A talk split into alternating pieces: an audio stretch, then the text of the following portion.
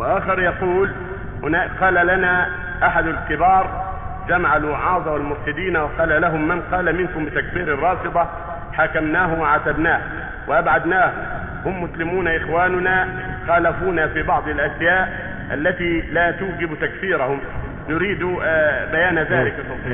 هناك أحد الرجال قال جمع الوعاظ والمرشدين وقال لهم من قال منكم بتكفير الرافضة؟ حاكمناه وعاتبناه و فهم مسلمون إخواننا خالفونا في بعض الأشياء التي لا توجب تكفيرهم هذا اللي يقول هذا الكلام جاهل مركب جاهل الرافضة شأنهم خطير وهم عباد أوثان يعبدون أولياء يعبدون أهل البيت ويدعونهم من دون الله ويسبون ويسبون الصحابة فلهم عقائد ودين غير دين المسلمين.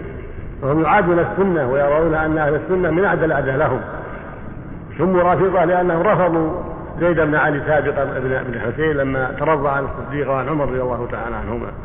فالرافضة الآن هم قوم عندهم عقائد باطلة.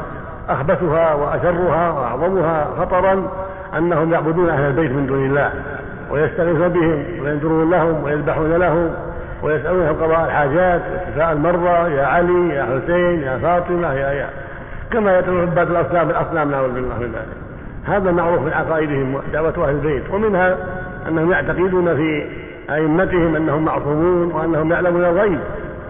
ولهم أيضا اعتقادات أخرى غير ذلك ومنها سب أصحاب النبي صلى الله عليه وسلم وسوء الظن فيهم وهم حملة السنة والقرآن وهم حملة الشريعة. فمن أساء الظن بهم فقد كفر نسأل الله العافية.